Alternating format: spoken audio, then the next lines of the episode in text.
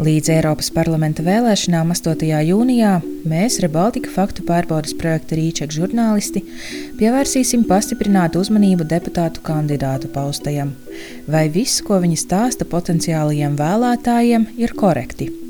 Un vai taisnība tieslietu ministrei Inesē Lībiņai Egnerē no jaunās vienotības, ka viņas partijas biedrs, bijušais premjerministrs Krišjānis Kariņš, ir uzņēmies politisko atbildību par lidojumiem ar privātajiem avioreisiem? Par to stāstīšu es, žurnāliste Anna Petrova. Vispirms par deputātu kandidātu vēstījumiem priekšvēlēšanu laikā. 200 miljoni, 400 miljoni, 500 miljoni. Sociālajos medijos ļoti aktīvi strādā partija saskaņa. Tajā skaitā tās līderis Eiropas parlamenta deputāts Nils Ušakovs.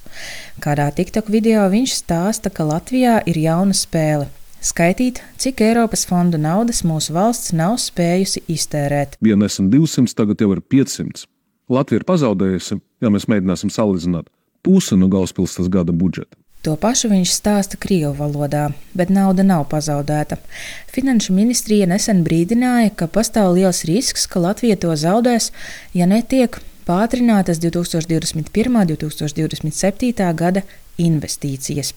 Proti, ja ministrijas nesasparosies un laikus neiesniegs projektu pieteikumus. Jautājām Ušakovam, kāpēc maldina?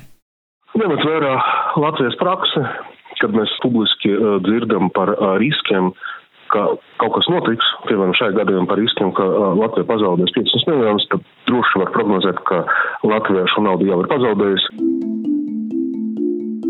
Jāpiebilst, ka saskaņā ar Finanšu ministrijas pausto par iepriekšējo periodu Latvija ir izmantojusi visu Eiropas Savienības fondu piešķīrumu.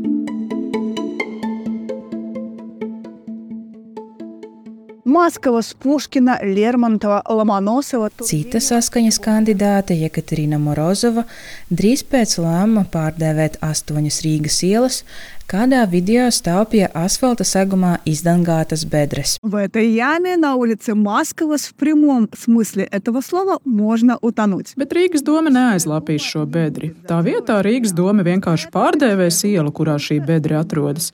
Arī ar citām bedrēm būs tas pats. Bedres atstās, bet ielas pārdēvēs. То же самое яма оставит, а улицы переименуют.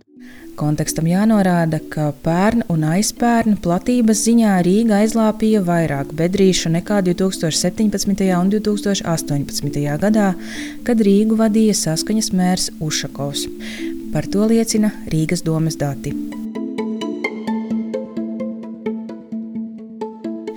Eiroparlamenta kandidāts Edgars Putra no apvienotā saraksta Saimas deputēs pirms pusotras nedēļas aizstāvēja Krievijas un Baltkrievijas graudu importa aizliegumu.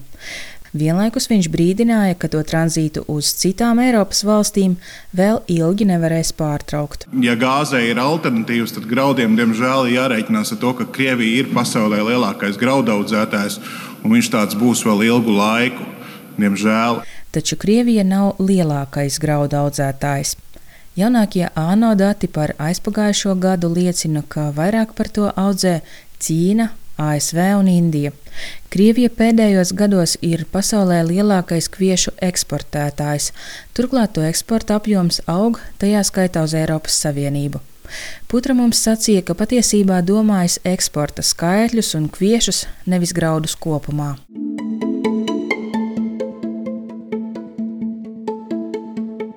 Platformā X partijas progresīvie pirmais numurs Elīna Pinto saistībā ar mežu izciršanu norādīja, ka pārāk daudz Latvijas dabas vērtību nokurinām ātrā peļņā. Kāds lietotājs viņai jautāja, kā plāno savienot vēja ģeneratoru izvietošanu mežos ar to saglabāšanu. Pinto atbildot aicināja būvēt vēja parkus vides ziņā degradētās teritorijās kā piemēru minot industriālās lauksaimniecības zemes. Viņas rakstīto ielasa kolēģe. Vēja parkus pēc iespējas vajadzētu būvēt vides ziņā degradētās teritorijās, piemēram, plašās industriālās lauksaimniecības zemēs. Saskaņā ar Latvijas normatīvajiem aktiem degradēta ir teritorija ar izpostītu vai bojātu zemes virskārtu vai pamesta apbūves, derīgo izrakteņu ieguves, saimnieciskās vai militārās darbības teritorija. Tā var būt piemēram neapsaimniekota teritorija ar latvāņiem. Vides ministrijā mums norādīja, ja lauksaimniecības zeme tiek apsaimniekota, tajā skaitā intensīvi, nebūtu korekti to saukt par degradētu teritoriju.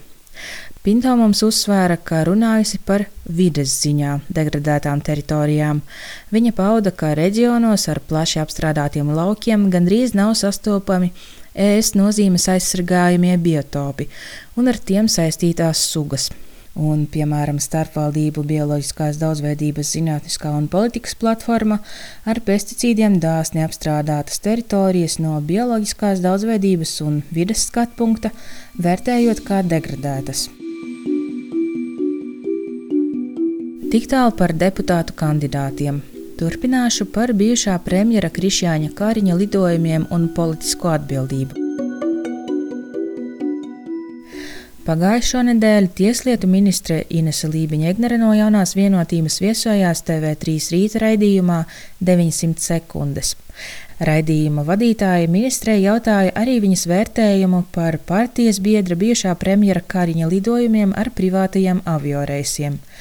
Kā ziņots, pēdējos mēnešos žurnālisti noskaidrojuši, ka toreizējais premjeras tos izmantojis arī tad, kad uz konkrētajiem galamērķiem viegli varēja aizlidot ar Air Baltica pasažieru reisiem, un lidojumi Latvijai izmaksājuši vairāk nekā minēts iepriekš. Vai valdības vadītājiem vajadzēja rīkoties varbūt šajā situācijā citādāk, gan izmantojot šos lidojumus, gan arī, nu, kas arī ir nemazāk būtiski skaidrojot to visu sabiedrībai? Lībiņa Egnere skaidru viedokli par lidojumiem nesniedza, taču sacīja, ka Kariņš jau esot uzņēmies politisko atbildību, atkāpjoties no amata. Tur ir dažādas situācijas, gan Covid laika lidojumi, gan citu lidojumu, līdzīgi kā tas ir bijis arī citu valstu premjerministriem. Bet galvenais, manuprāt, vēstījums, ka Kariņkungs ir atkāpies, ka premjerministrs viņš ir politisko atbildību uzņēmies, un to es tā arī vērtēju. Taču Kariņš no amata atkāpās pagājušā gada augustā, kad sabiedrībai par viņa lidojumiem nekas vēl nebija zināms. Demisijas iemesli bija pavisam citi.